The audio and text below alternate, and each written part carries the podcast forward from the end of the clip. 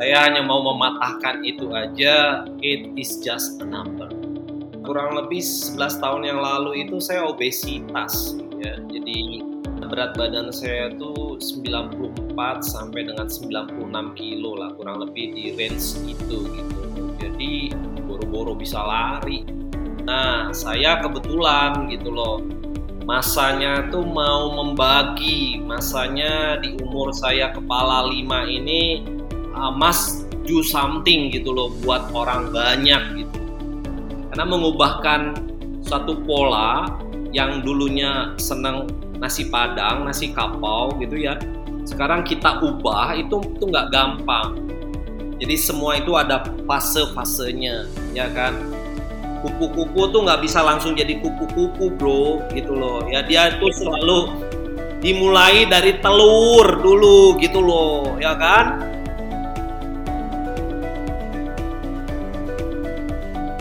Halo semuanya, selamat datang lagi di podcast Sehat Seutuhnya season yang kedua bersama saya Will Yonas. Episode podcast kali ini spesial banget eh, karena kita bakal ngobrolin soal healthy movement. Kalau kita ngomongin soal gaya hidup, gaya hidup itu nggak bisa sesuatu yang cuman kita keep ke diri sendiri doang, tapi ini sesuatu yang harus kita tularkan juga nih ke orang-orang lain ya, ke keluarga kita, ke teman-teman kita, ke komunitas kita supaya semuanya juga bisa hidup sehat. Nah, untuk hari ini kita bakal diskusi bareng dengan narasumber kita yang spesial banget. Uh, saya aware tentang beliau ini karena kemarin lagi nonton video dari YouTube channel Run Hood. Terus eh ada wawancaranya dengan narasumber kita hari ini. Nah, beliau ini mengalami transformasi kesehatan yang keren banget dari diabetes, dari overweight sampai hari ini akhirnya menjadi seorang pelari maraton di Boston Marathon lagi ya. Yang bisa lari tahun lalu tahun 2020 bisa lari di bawah 3 jam atau sub 3 di usia yang udah nggak muda lagi. Jadi keren banget nih. Uh, saya juga kayaknya kalah nih dengan beliau ya atau pasti kalah dengan beliau. Jadi beliau ini passion banget dengan membuat healthy movement, uh, membantu orang lebih banyak lagi untuk menjadi sehat dan jauh dari penyakit. Jadi tanpa menunda-nunda waktu lagi, saya mau welcome Coach Henry Pardede. Halo Coach, gimana kabarnya Coach? baik luar biasa sehat selalu gimana kabar kamu Baik, baik. Luar biasa nih dari jawabannya aja kayaknya udah berenergi banget nih Coach. haruslah harus ya artinya kondisi tubuh kita luar dalam harus tercermin dari apa namanya jawaban-jawaban atau spontanitas yang kita sampaikan gitu kali Bener, bener. Nih bisa kerasa ini spirit semangatnya tuh udah ketular aja nih. Eh, Oke, Coach. Ini Coach kan ini lebih banyak banget dikenal nih. Eh, aku aja kayaknya yang baru aware dengan Coach nih. Setelah aku baca-baca denger podcast soal Coach dengan Runhood. Eh, tahun lalu ini Coach bisa lari Boston Marathon walaupun virtual tapi sub 3 hour eh, Coach. hmm, Ini betul. pengen tanya dulu nih sebenarnya Coach ini umur berapa sih Coach? Ini kalau ngomong umur apa nih? Umur biologis atau umur metabolik age saya? Mungkin kalau, boleh dijawab dua-duanya nih. eh, kalau mau umur metabolik age saya, saya masih ABG ini. Aduh. Iya, jadi kalau ngomong umur mungkin saya udah kepala lima ya, jadi eh, cukup ya cukup inilah apa senior lah dibandingin kamu gitu ya. Tapi ini kalau eh, dari prestasi lari ini coach jauh lebih ini nih. Jauh lebih jauh dari saya nih. Saya masih masih di 20-an, coach sudah 50 bisa sub 3 hour nih. Keren banget. Ya justru di situ yang membuat apa namanya satu challenge buat saya dalam hidup saya juga karena saya sebetulnya passionate banget di dunia lari gitu loh ya. Jadi dulu sebetulnya pengen banget achieve achieve eh, sesuatu di dunia lari ya puji Tuhan di umur kepala lima ini di umur kepala lima ini nggak perlu tahu lah belakangnya ya lima tenon gitu lah ya.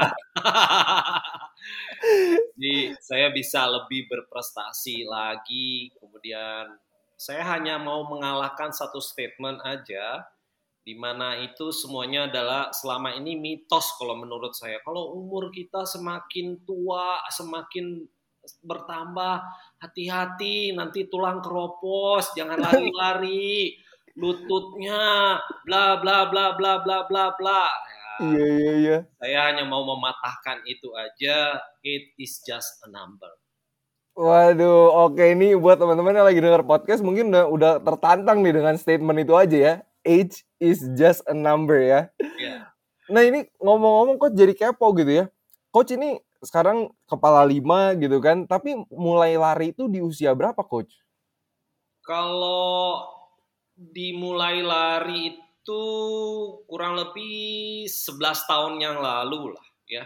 Karena dulu saya nggak suka lari, jadi eh, kurang lebih 11 tahun yang lalu itu saya obesitas ya. Jadi eh, berat badan saya tuh 94 sampai dengan 96 kilo lah kurang lebih di range itu gitu loh. Jadi boro-boro bisa lari gitu loh ya. Jadi Right.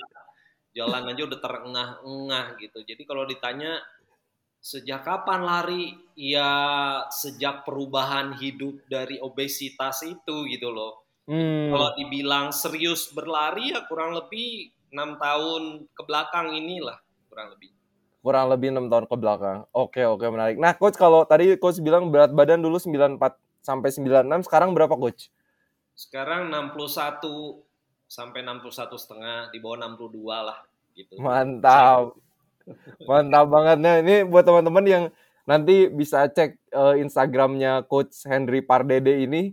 Sekarang ini shredded, sekarang ini kering semua badannya, udah transformasinya udah keren banget nih Coach.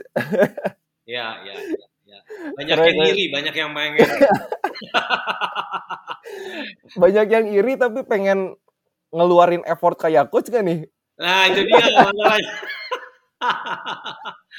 pengen doang tapi nggak mau masuk di relnya gitu. Jadi di luar rel doang lihat-lihat pengen masuknya itu yang aduh gimana gitu. Bener-bener udah pengennya kayak magic aja gitu ya. Iya benar. Padahal Coach aja nih journey-nya panjang gitu ya. Betul, betul. Jadi memang memerlukan satu proses yang bertahap. Nah, orang Hmm. kadang-kadang itu nggak mau menikmati setiap proses. Nah, ini Hmm. dia. Jadi semua itu ada prosesnya lah. Saya banyak belajar transformasi hidup saya, maksudnya dari berat badan dulu sampai dengan sekarang, dari one pack menjadi six pack, ik pack gitu ya. Heeh, jadi eh, apa namanya memang eh, memerlukan satu proses yang maju dan bertahap itu sih. Hmm. Benar-benar setuju banget coach. Nah ini setelah aku kemarin kita sempat ngobrol dulu sebelum kita rekaman ini, coach ini tertarik banget sama healthy movement gitu coach. Ya. Um, ini kenapa gitu eh, coach ini tertarik dengan healthy movement ini? Karena apa nggak nyibukin diri gitu kan? Maksudnya coach mungkin udah sibuk kerja ada aktivitas yang lain tapi ini pengen ngebantu orang eh, menjadi lebih sehat. Kenapa nih coach? Apa yang ngedrive ini gitu coach? Ya, jadi pada dasarnya kisah hidup saya aja sih sebetulnya yang memicu saya, saya mau berbagi. Jadi mungkin ini jadi satu calling juga, satu panggilan juga buat diri saya karena percayalah di setiap jenjang umur kita sebagai manusia itu pasti ada calling ya, jadi ada panggilan Hmm. hidup gitu loh. Jadi transformasi misalnya kita dari umur 20 ke 30 nanti ada masanya Hmm. seperti apa. 30 40 ada masanya. Dari 40 ke 50 ada masanya gitu loh. Nah, saya kebetulan gitu loh. Masanya tuh mau membagi masanya di Hmm. umur saya kepala 5 ini must do something gitu loh buat orang banyak gitu loh. Nah lewat apa Mm-mm. ya? Saya nggak bisa bagi-bagi uang karena saya nggak terlalu kaya juga gitu kan ya. Jadi saya nggak ya apa yang bisa saya mau bagikan ya tentunya apa yang sudah Tuhan perbuat lewat hidup saya gitu loh. Hmm. Nah, kebetulan perubahan yang terjadi dalam hidup saya adalah ya di bidang kesehatan gitu loh ya. Hmm. Jadi perubahan transformasi inilah yang saya mau share, yang saya mau bagikan ke banyak orang supaya memiliki kesadaran. Nah, ini yang paling penting. Hmm. Gitu loh, memiliki kesadaran bahwa tubuh kita ini sebetulnya adalah apa namanya uh, sangat penting untuk dipelihara, hmm. untuk di apa namanya untuk dirawat gitu loh. Tubuh hmm. ini sama apa ya seperti mobil lah. Kalau hmm. kita sering servis, ganti oli, bahan bakarnya bagus, ya mau tahun berapapun mobilnya pasti dia bisa berjalan dengan bagus gitu loh. Ya hmm. mobil itu akan melayani kita kurang lebihnya. Nah tubuh hmm. kita juga sama. Di umur berapapun kalau kita merawatnya dengan benar, maka hmm. dia akan melayani kita selama kita hidup. Itu mungkin pesan sponsor awal dari saya. Wah keren banget. Ini, ini pengen tanya nih coach. Berarti kalau coach nih sekarang di usia kepala lima gitu, coach ngerasanya nih usia berapa nih coach? Apakah Wah, ngerasa? Saya sih nggak merasa umur. Hmm. Apa lebih ngerasa lebih sehat gitu dibandingin pas coach misalnya di usia 30-an gitu? Yes, pastinya ya lebih apa lebih energik lebih apa lebih bugar dan tentunya saya bisa berpikir lebih apa ya lebih lebih lebih lebih oke okay mungkin ya lebih out of hmm. the box dibandingin orang-orang yang seusia saya. Wih. Oh, iya. Mantap nih luar biasa. Ini gitu lah. Dari coach mention satu hal yang yang menarik nih buat aku karena uh, membantu orang untuk punya kesadaran. Hmm. Berarti ini mayoritas nggak sadar gitu coach atau gimana nih?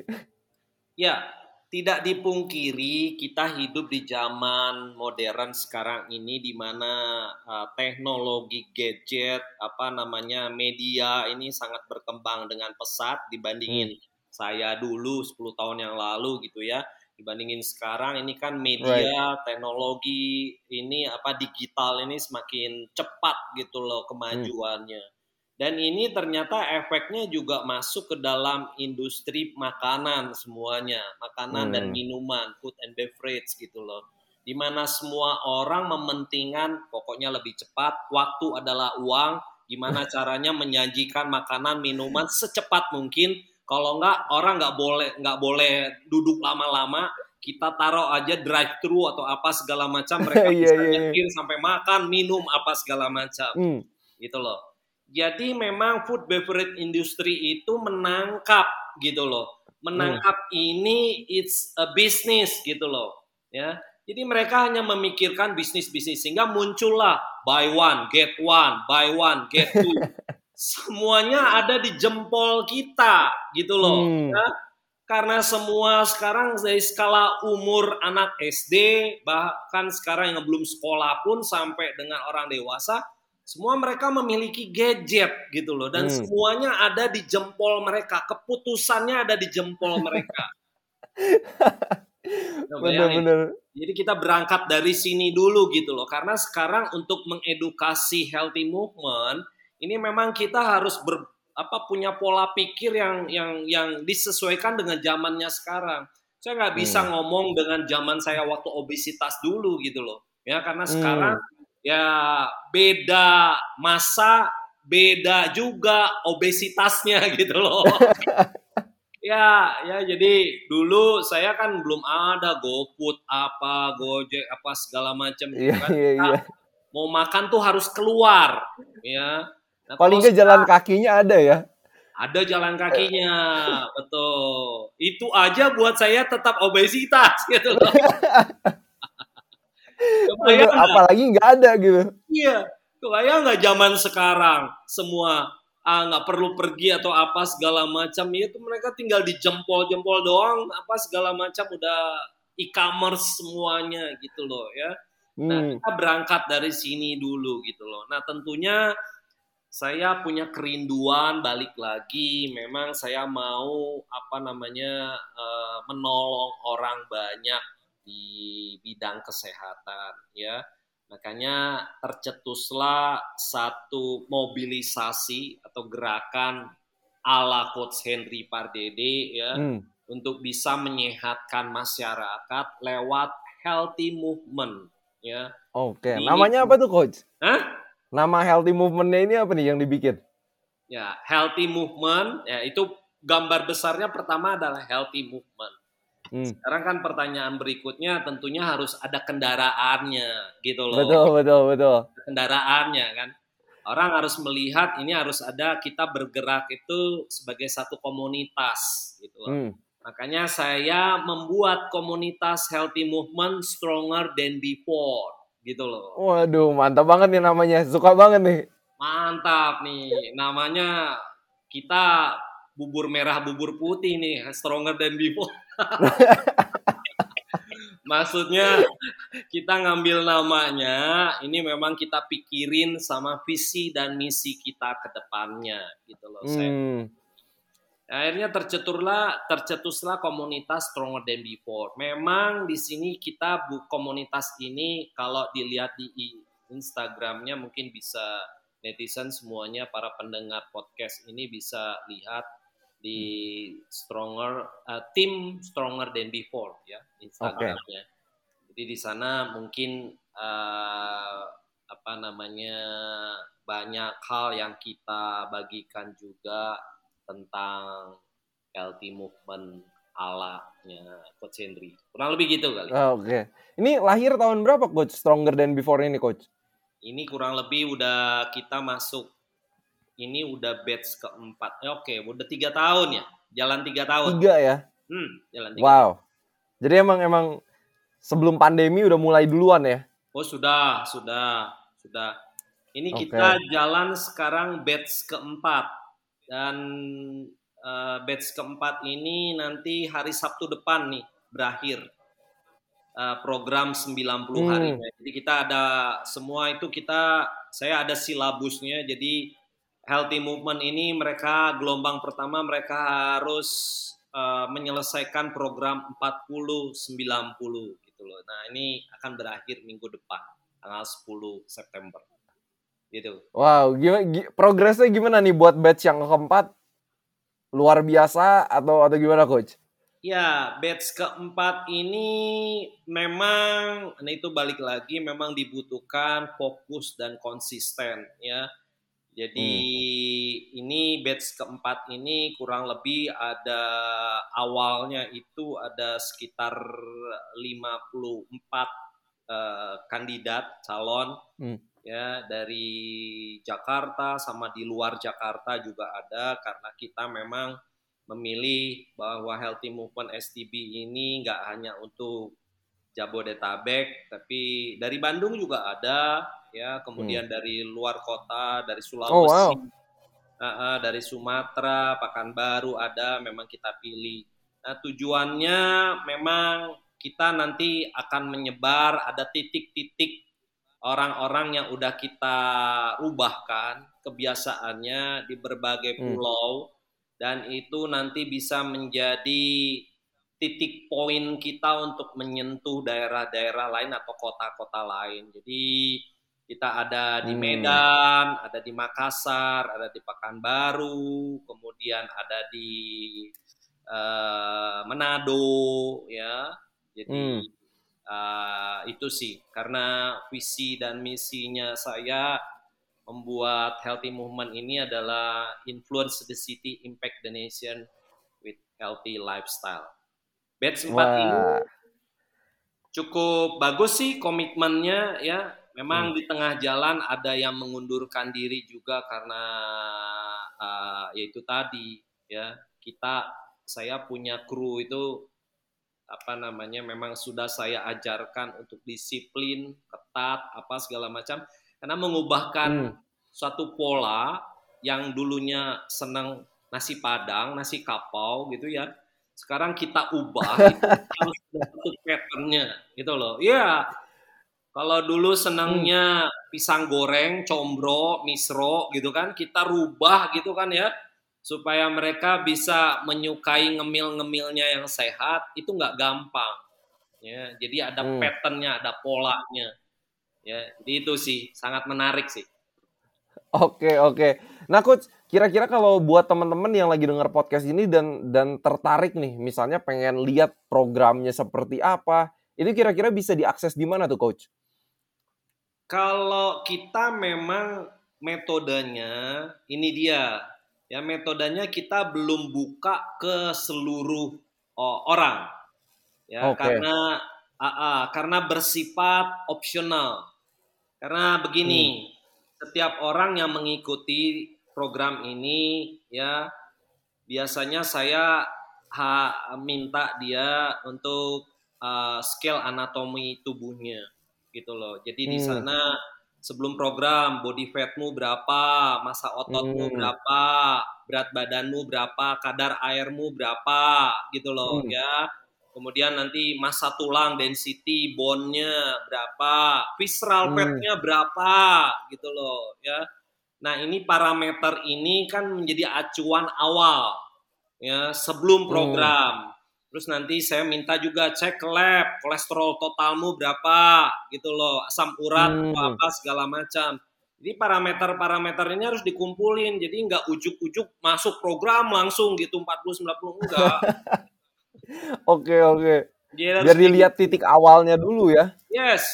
Jadi kita tahu ya sama lah kita mau menuju sesuatu kan kita harus tahu start pointnya kita di mana gitu loh ya Benar. baru nanti tujuan akhirnya kita harus seperti apa ini orang harus diapain gitu loh ya targetnya nah kurang lebih seperti itu kita hanya menjadi fasilitator tapi kita juga harus kuat dengan data-data kesehatan Hmm. pribadi. Karena kalau enggak nanti konyol gitu loh. Kita nggak tahu awalnya seperti apa, akhirnya seperti apa gitu loh. Ya, Iya, iya. kalau ukurannya cuma berat badan aja, saya rasa kurang fair karena di dalam kesehatan kita ukuran sehat atau tidaknya, proporsional atau tidaknya bukan hanya timbangan berapa kilo Hmm. berat badan kita, gitu loh. Ya, Oke, oke. itu sih. Jadi makanya orang kalau mau oh, tahu tentang STB ya mereka harus masuk ke mobilnya. Nggak bisa lu di luar. Oke, luar oke. dia lihat ya. Jadi harus buka pintu masuk. Nah, gitu, masuk baru. Baru bisa mengalami ya. Baru dia tahu gitu. Oke, oke. Nah, coach, kalau pengen tahu ya dari pengalaman coach ini eh, udah tiga tahun bahkan mungkin sebelum sebelumnya udah bantu-bantu orang gitu ya Ya, ya. eh, dalam merubah gaya hidupnya. Ini yang coach lihat ya, apa sih alasan orang-orang yang paling sering eh, untuk tidak berubah gitu atau atau susah gitu untuk berubah? Apa tuh coach? habit, kebiasaan. Ya, Oke. jadi, ya, nah, sebetulnya ini yang saya alami juga seperti itu. Kita menjadi gemuk itu kan nggak tiba-tiba jadi gemuk. Right, benar. Betul, ada prosesnya dulunya gitu loh ya. Hmm. Karena Tuhan menciptakan kita sebetulnya semuanya sempurna gitu loh. Hmm. Tubuh kita itu kan serupa dan segambar dengan Dia gitu loh ya, Hmm. dengan Tuhan.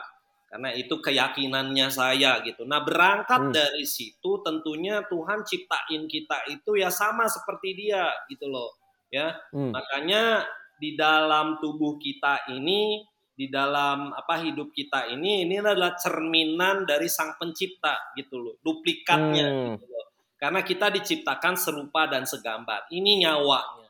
Nah, kalau seperti itu berarti sebetulnya waktu kita lahir itu sebetulnya semua serupa dan segambar gitu loh. Hmm. Nah, yang menjadi permasalahan menjadi nggak serupa dan tidak segambar karena perjalanan hidupnya, kebiasaannya yang membuat jadinya rusak. Jadi nggak Hmm. serupa dan segambar. Contoh misalnya, kan Tuhan nggak ciptain kita ujuk-ujuk langsung kolesterolnya tinggi gitu ya. Nah, benar, benar. Iya, Iya kan? Lewat kebiasaan makan, kebiasaan gaya hidup yang tidak sehat Hmm. gitu loh. Nah, itu kan membentuk satu pola. Hmm. Nah, ya, jadi balik lagi yang saya bilang, kalau demennya goreng-gorengan berarti di dalam hidup dia terbentuk pola goreng-gorengan. iya, Benar, benar, benar. apa yang kita lihat, apa yang kita lakukan berulang kali, aktivitas yang Hmm. berulang kali, 20 kali kita lakukan hal yang sama, itu memori di dalam hipotalamus kita di dalam tubuh kita itu merekam ya hmm. itu menjadi satu pola nah bayangin berapa banyak pola yang salah ya yang dilakukan oleh kita di masa hmm. lampau ya kalau kita sebutin ya kan polanya pola goreng-gorengan pola santan itu ya kan lemak yeah. tinggi gula fruktos ya kan yang berlebih bentar-bentar manis, bentar-bentar manis. Nah ini kan hmm. semua membentuk pola.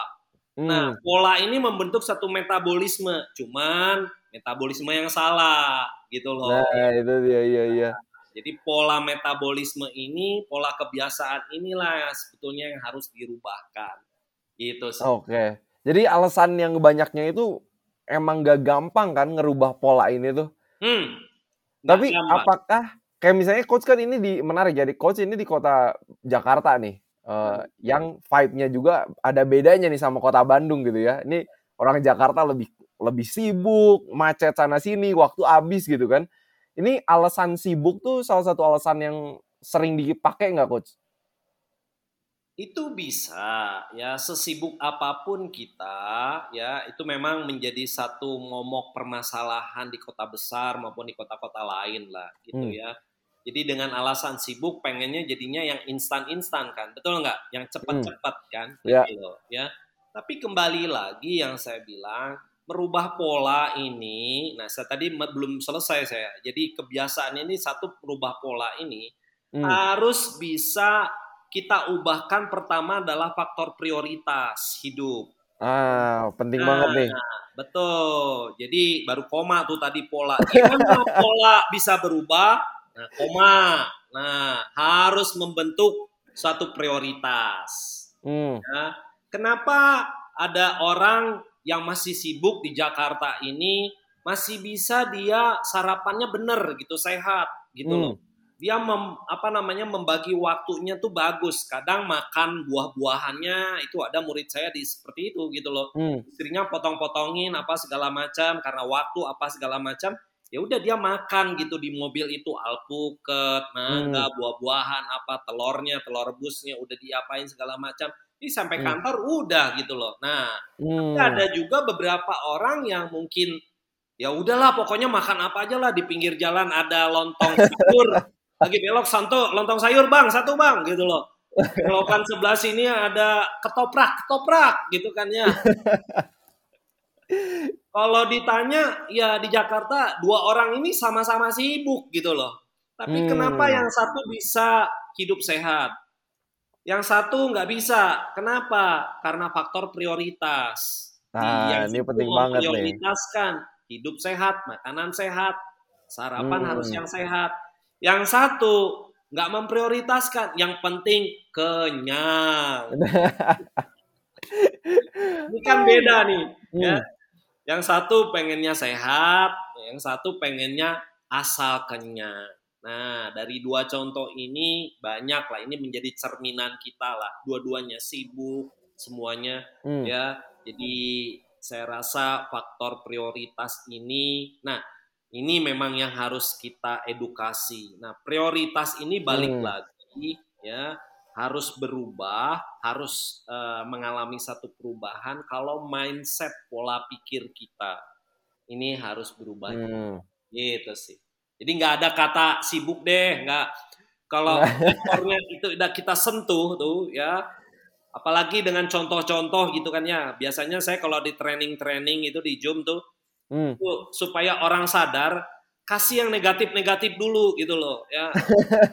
apalagi sekarang covid gitu kan kita takut yeah, yeah, takutin dulu takut takutin dulu covid ya lihat nih gini apa segala macam gitu loh ya nah, hmm. kalau kita hidupnya makin gak sehat apa segala macam nah kurang lebih begitu biasanya oh. lebih gampang gampang apa namanya menyadarkannya cuman hmm. memang harus perlu di follow up karena hmm. uh -uh, makanya memang harus ada komunitas itu sih oke oke ini menarik banget ya. Emang ini prioritas. Jadi kayak orang dua orang yang coach bandingin itu kok satu bisa, kok satu enggak gitu kan. Hmm. Ketika kita udah bikin prioritas, segala cara pasti kita lakukan untuk mencapai tujuan yang udah kita prioritaskan gitu coach ya. Betul.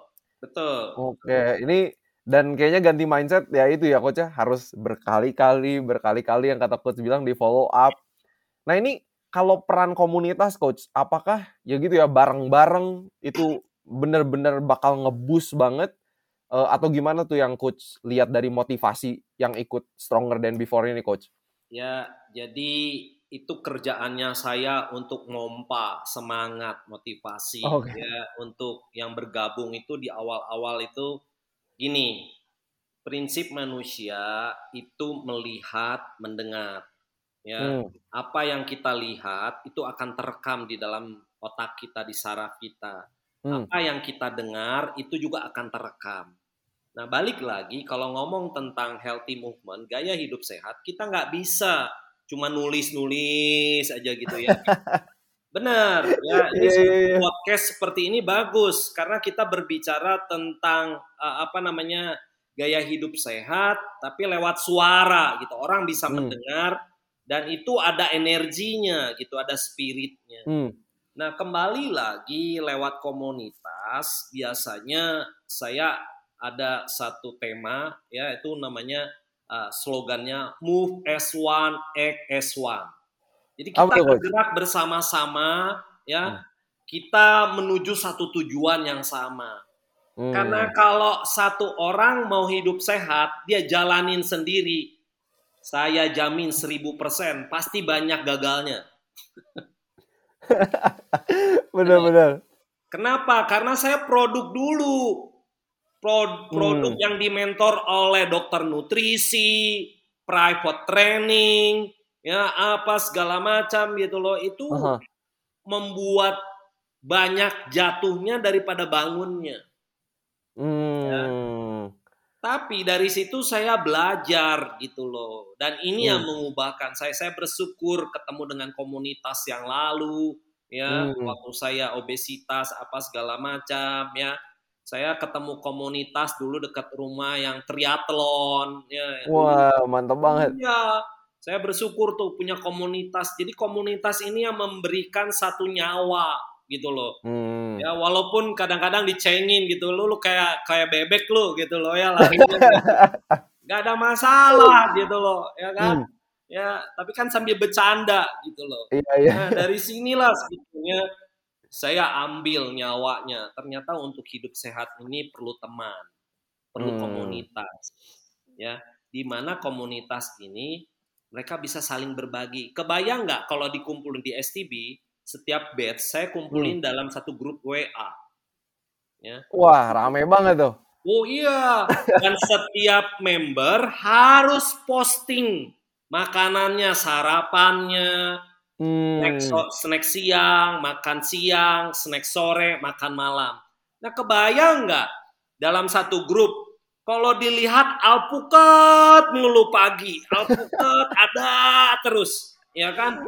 Dia di gadgetnya alpukat ya pagi, WA-nya alpukat, ada buah-buahan, hmm. terus ada telur rebus dua pagi gitu kan? Hmm. Ya banyak warna buah-buahan semua member kan kerekam di dalam otaknya. Benar nggak? Sehari, benar, dua hari, tiga hari, empat hari, lima hari, nggak ada cerita nggak berubah.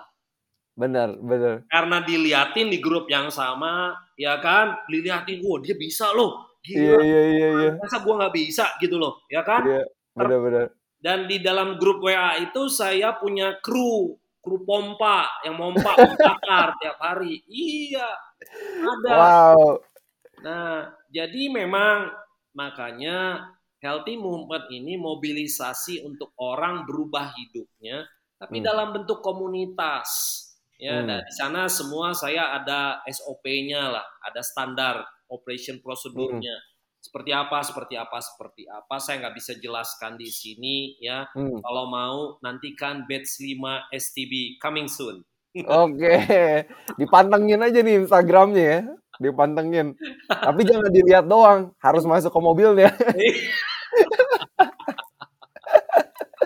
Aduh, bener. Aku suka banget ya yang coach coach bilang itu bener. Kalau tiap hari di grup ngelihatnya pada sarapan alpukat ya kalau kita ke supermarket ya pasti nyari alpukat juga gitu kan.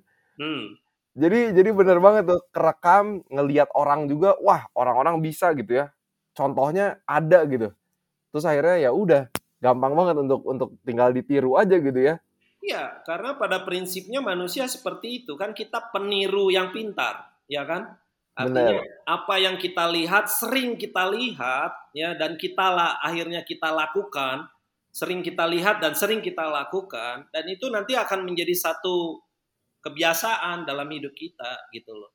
Benar. Karena sebetulnya semua motorik tubuh kita ini kan mengenal namanya memori tubuh, memori otot hmm. gitu loh. Ya, memori otot ini yang sebetulnya yang harus kita latih Makan hmm. ini kan memori otot juga. Jadi banyak orang lihat memori otot apaan coach ada kaitannya dengan makan. Emang cuma exercise aja yang memori otot. Tubuh kita ini pintar. Ya makanya saya hmm. bilang harus bisa membentuk satu kebiasaan baru ya. Jadi hmm. pola yang kita sesuatu yang kita lakukan dalam kurun waktu tertentu dia akan membentuk pola Hmm. Pola akan menjadi kebiasaan kalau dilakukan dalam kurun waktu tertentu. Jadi ada masa, ada prosesnya. Benar, kita lakukan berulang-ulang akan menjadi pola. Pola kita lakukan lagi dalam kurun waktu tertentu akan menjadi kebiasaan. Gitu. Yes. Nah itu itu goalnya ya, itu goalnya nih. Nah tapi coach kalau aku jadi pengen tanya coach juga ya pengalaman coach sendiri dulu pas uh, udah mau mulai berubah, mulai ikut komunitas, tapi pernah nggak sih coach kayak relapse gitu? Oh, pernah, pernah banget, pernah banget. Itu hal yang lumrah lah, ya kan? Hal yang lumrah ya. Hal yang lumrah. Setiap kita kan artinya gini. Saya selalu memiliki prinsip kupu-kupu metamorfosis gitu loh, ya. Hmm. Jadi semua itu ada fase-fasenya, ya kan? Kupu-kupu hmm. tuh nggak bisa langsung jadi kupu-kupu, bro, gitu loh. Ya dia tuh selalu dimulai dari telur dulu gitu loh, ya kan? Telur iya, siapa yeah, sih yang mau lihat telur? Pada mah gak mau kan pada geli liatnya, ya. Apalagi berubah dia telur itu menjadi kepompong, ih geli banget gitu. Siapa yang mau suka gitu loh. Tapi dari hmm. telur menjadi kepompong ini kan satu proses gitu loh, paham nggak? Hmm. Satu yeah. proses. Nah proses ini bisa aja kadang-kadang kita boring lah ya kan hmm. kadang-kadang kita aduh gimana nih bosen banget gitu loh makanya saya bilang jangan sendiri melakukan gaya hmm. hidup sehat harus bersama-sama nah kalau misalnya uh, telurnya banyak berubah menjadi ulet gitu kan ya menjadi hmm. uh, apa sih uh, metamorfosis itu kan dari telur kan dia uh, berubah menjadi Ulat, menjadi ya. kepompong, kepompong berubah menjadi kupu-kupu kan gitu ya hmm. siklusnya ya. Nah tapi kalau rame-rame telurnya ya kan asik kan, bener gak? Asik. Iya. bener bener. Terus dia berubah gitu loh, rame-rame lagi telurnya berubah menjadi ulet gitu loh. Wah. Hmm. Nah itu yang saya bilang. Jadi move as one kebersamaan ini sangat penting. Masalah jatuh dan bangun itu biasa, bosen itu biasa lah ya. Hmm. Hal yang lumrah ya. Tapi kadang-kadang kalau kita healthy movement, kita sekecil mungkin ya mengedukasi yang negatif-negatifnya. Paham kan? Hmm. Ya. Karena jangan nanti terekam tuh kan si coach aja pernah jatuh gitu loh. nah, Iya, iya. Juga. Jadi mereka itu menjadi satu senjata untuk excuse gitu. Iya, iya, iya benar. Iya, jadi kita selalu bombastik dengan hal yang positif uh, apa hmm. mobilisasi mereka dengan hal-hal yang positif, hal-hal yang baik, hal-hal yang benar, pokoknya gitu cekokin terus yang baik, yang benar, yang hmm. yang yang mereka harus lakukan seperti apa seperti apa gitu. Kalau mereka nanya yang oh gimana kalau bosan ya kita belokin lagi ke yang balik ke yang baiknya gitu loh. Oke okay, ya. oke okay, benar-benar. Lah kurang lebihnya. Bener-bener, wah setuju banget, setuju banget. Dan dan kayaknya kalau kayak di komunitas gitu, kayaknya ada example kayak coach yang aku lihat nih, coach Henry itu jadi example banget gitu buat orang-orang gitu kan. Hmm. Karena jadi ada ada role model lah ya, hmm. yang yang nunjukin, wah ini juga coach udah kepala lima, bisa maraton sub tiga gitu kan. Ini kayaknya micu banget gitu. Hmm. Micu banget, jadi keren banget nih role model. Nah kalau coach sendiri ini dalam healthy movement, um, kira-kira udah bikin ini nggak nih mengcopy diri coach lah ya istilahnya mungkin ke orang-orang lain supaya yeah. ada orang-orang lain bisa ngehasilin impact yang sama buat coach susah nggak tuh coach bikin kayak gitu ya sebetulnya itulah tugasnya kita semua orang-orang yang punya passion di uh, healthy lifestyle sebetulnya kita harus bisa menduplikasikan diri. Ya, nah ini Hmm. makanya kalau kaitannya lagi balik lagi di dalam diri saya, saya ini sekarang lagi menciptakan Henry Pardede 1, Henry Pardede 2, Henry Pardede 13, Henry Pardede 20 ya. Hmm. Makanya saya mau influence the city, impact the nation with healthy lifestyle. Ini nanti akan bisa di semua kota gitu loh. Hmm. Memang untuk mengubahkan seluruh Indonesia, kadang ada yang bilang, Coach lu mimpi, Coach. Iya, gua mimpi. Iya, tapi kita hidup harus punya mimpi. Kalau enggak, Benar. bego lu nggak punya mimpi. Hidup jadinya nggak berwarna. Hidup tuh nggak penuh semangat kalau kita nggak punya mimpi, nggak punya goal, nggak punya visi misi. Kalau Hmm. ditanya, lu visi misi lu apa? Ya mengalir aja, Coach. Ah, mengalir mah air di sungai juga mengalir, gitu kan ya? Ya. ya mengalir aja ke mana aja ya ilah bilang salah dong ya jadi memang memang mengalir tapi mengalirnya ke mana harus jelas gitu loh Iya, betul betul. airnya berapa harus jelas gitu loh mau ke mana ngalirnya harus jelas gitu loh ya Bener bener. jadi balik lagi memang eh, apa namanya tugas saya ini mencetak eh, apa namanya generasi saya berikutnya regenerasi.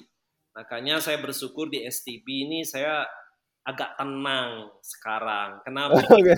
Karena saya udah mempunyai kru. Saya menyebutnya kru. Hmm.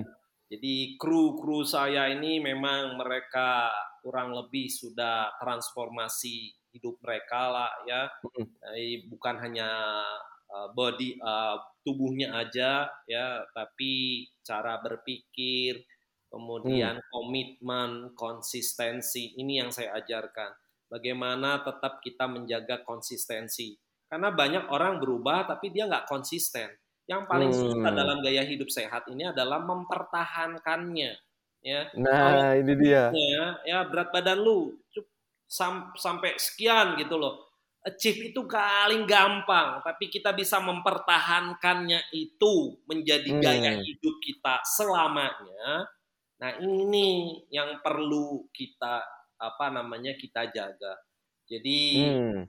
ada sekarang ada 14 kru yang udah saya cetak ya. Wow, mantep banget. Oh, jadi mungkin kru-kru ini jadi sekarang kalau ada seminar atau apa segala macam ya saya tinggal nunjuk aja nih tolong ada kru saya nanti yang berbicara saya berbuka aja di awal gitu ya lima menit Hmm. setelah itu nanti kru saya yang ngomong sampai berakhir saya nonton aja gitu kadang tapi kayak sebagai itu- leader kita harus gimana coach? Ya, sebagai leader saya harus bisa mempercayakan panggung saya kepada kru saya.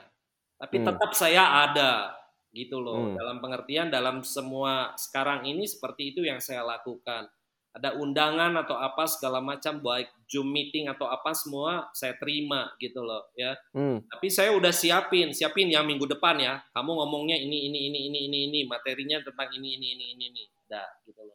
Nah, begitu Wah. Zoom meeting apa segala macam, saya memperkenalkan diri ya cuma 5 10 menit aja. Selebihnya materi ya kru saya yang bicara gitu loh. Dan itu Waduh. bisa menjadi satu model. Oh iya ya. Gak beda jauh nih.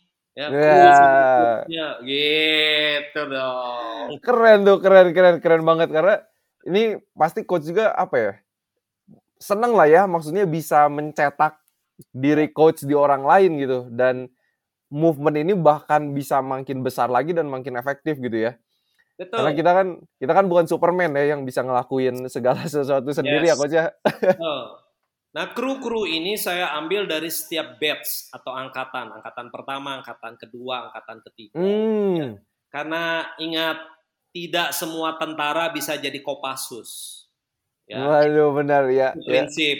Tapi mereka semua tentara, iya nggak apa-apa gitu loh ya. Iya, iya. Tidak semua bisa jadi Kopassus. Itulah kurang Hmm. lebihnya. Jadi kita Oh. memilih ada memang level 1, level 2, level 3. Tidak semua tim itu memang bisa apa namanya mungkin nanti yang level 3 bisa naik ke level 2, level 2 nanti bisa naik ke level 1.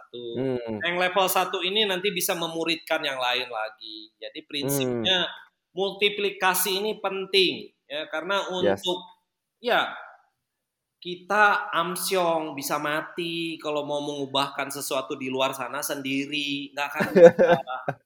Percayalah, movementnya terbatas. Apa yang bisa kita lakukan dengan dua tangan kita? Hmm. Ya. Tapi kalau kita bisa menciptakan orang-orang lebih lagi yang mempunyai visi dan misi sama kita, tangan kita kan jadi banyak, kepanjangan tangan kita kan banyak di mana-mana gitu loh. Hmm. Ini lebih Benar-benar. efektif gitu loh dari gender umur ya dari apa dari skala umur sama gender kan laki ada perempuan ada kadang kan perempuan bisa disentuh dengan perempuan lagi gitu loh Iya iya betul betul. ah, ah. kadang-kadang kan perempuan suka ngelesnya begitu coach coach lu kan nggak mikirin gua tiap bulan ada siklus yang gua gender kata gitu kan benar benar benar.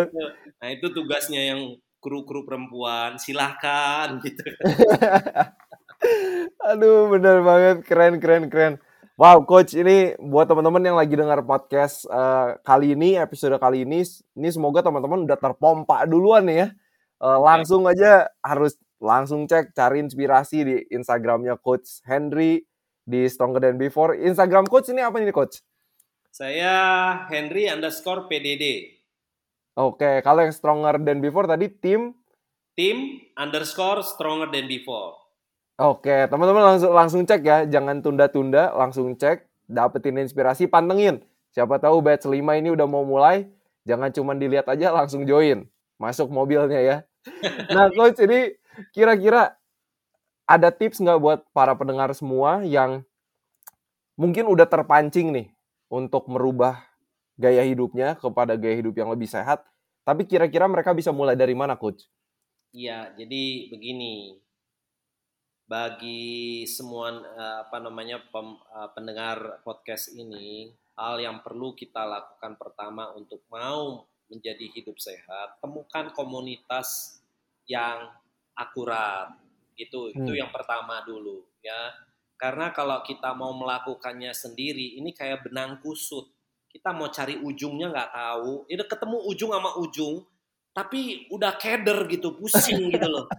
Ini gimana mau mulainya? Gue tahu nih ujung ini sama ujung ini gitu loh. Hmm. Ya. Nah, berapa banyak kita tahu tentang bagaimana hidup sehat?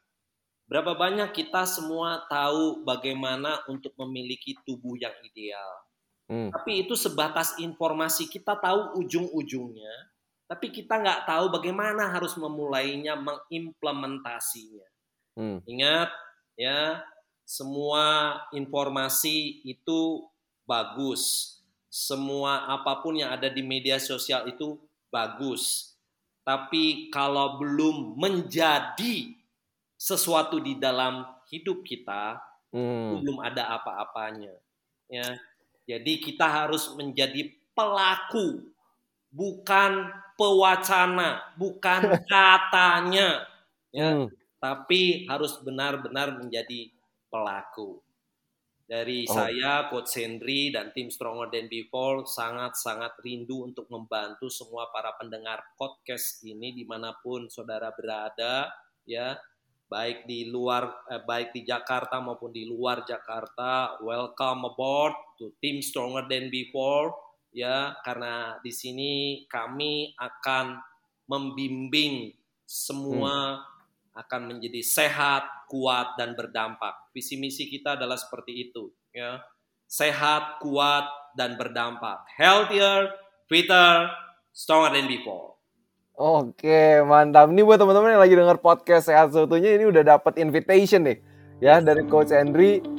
Siapa tahu ya, emang timingnya pas banget lagi dengar podcast ini. Langsung aja pantengin ya di Instagramnya dapat informasi. Dan tadi yang penting banget yang Coach Henry bilang, jangan cuma dapat informasi aja, ikut komunitas supaya kita jadi pelaku.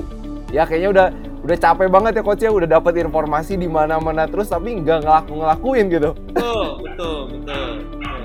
kayak waduh oh iya tahun lalu saya pengen turun berat badan pas ngelihat tahun ini gitu. Eh ternyata berat badan masih sama gitu kan misalnya. Jadi ini tinggal di push dipompa dapat komunitas yang benar dan capai goal itu gitu ya coach Henry thank you so much ini atas waktunya, atas edukasinya. Semoga ini movement, healthy movement di Indonesia bisa terus spreading, uh, saling menginfluence satu dengan yang lain, saling kolaborasi juga ya. Ini thank you banget sudah mau kolaborasi juga.